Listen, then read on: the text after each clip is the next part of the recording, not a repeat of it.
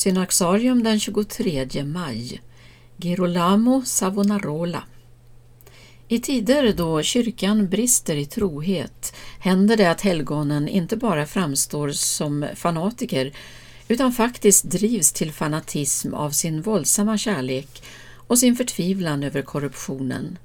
Så var fallet med 1400-talsmunken Girolamo Savonarola.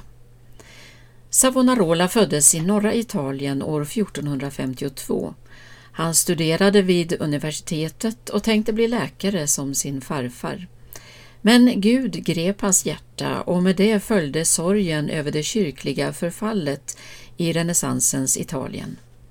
Det började med att han skrev apokalyptiskt färgade dikter med särskild udd mot det påvliga hovet. Hans längtan till Gud och bort från världen ledde honom till ett monastiskt liv. Men det är betecknande att han sökte sig till predikarorden Dominikanerna. Han sökte inte ensamheten utan ville dra andra med sig. I orden gjorde han sig obekväm genom sina protester mot försöken att lätta på de strikta reglerna kring fattigdom som lagts fast av grundaren Dominikus. Efter några år fick han börja predika och han vände sig till den välbärgade staden Florens med maningar till bot och omvändelse. Han fördömde de rika som exploaterade de fattiga och gisslade prästerskapet. Guds dom skulle komma om de inte omvände sig och levde efter den tro de bekände, varnade han. Savonarola samlade stora skaror men fick också många fiender.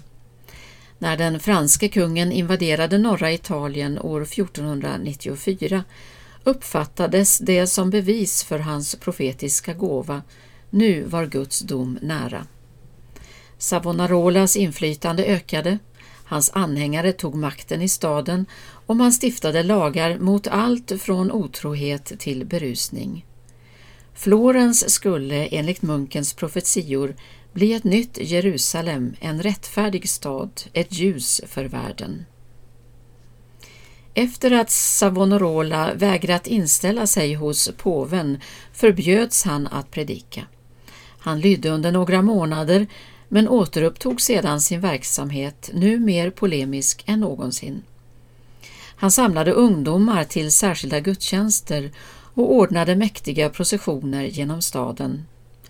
År 1497 hotade påven att lägga hela Florens under interdikt om han där inte tog sin hand från Savonarola. Efter en tids kamp lydde man och 1498 utlämnades Savonarola till överheten. Han torterades och avrättades den 23 maj 1498. Savonarola dömdes som heretiker, men han hade inte avvikit från läran. Mitt under den svåraste pressen skrev han sitt mästerverk, Korsets triumf, som hyllade korsets seger över världen genom kärleken. Han var tidvis en fanatisk entusiast, men ingen irrlärare. Inom den katolska kyrkan överväger man hans saligförklarande.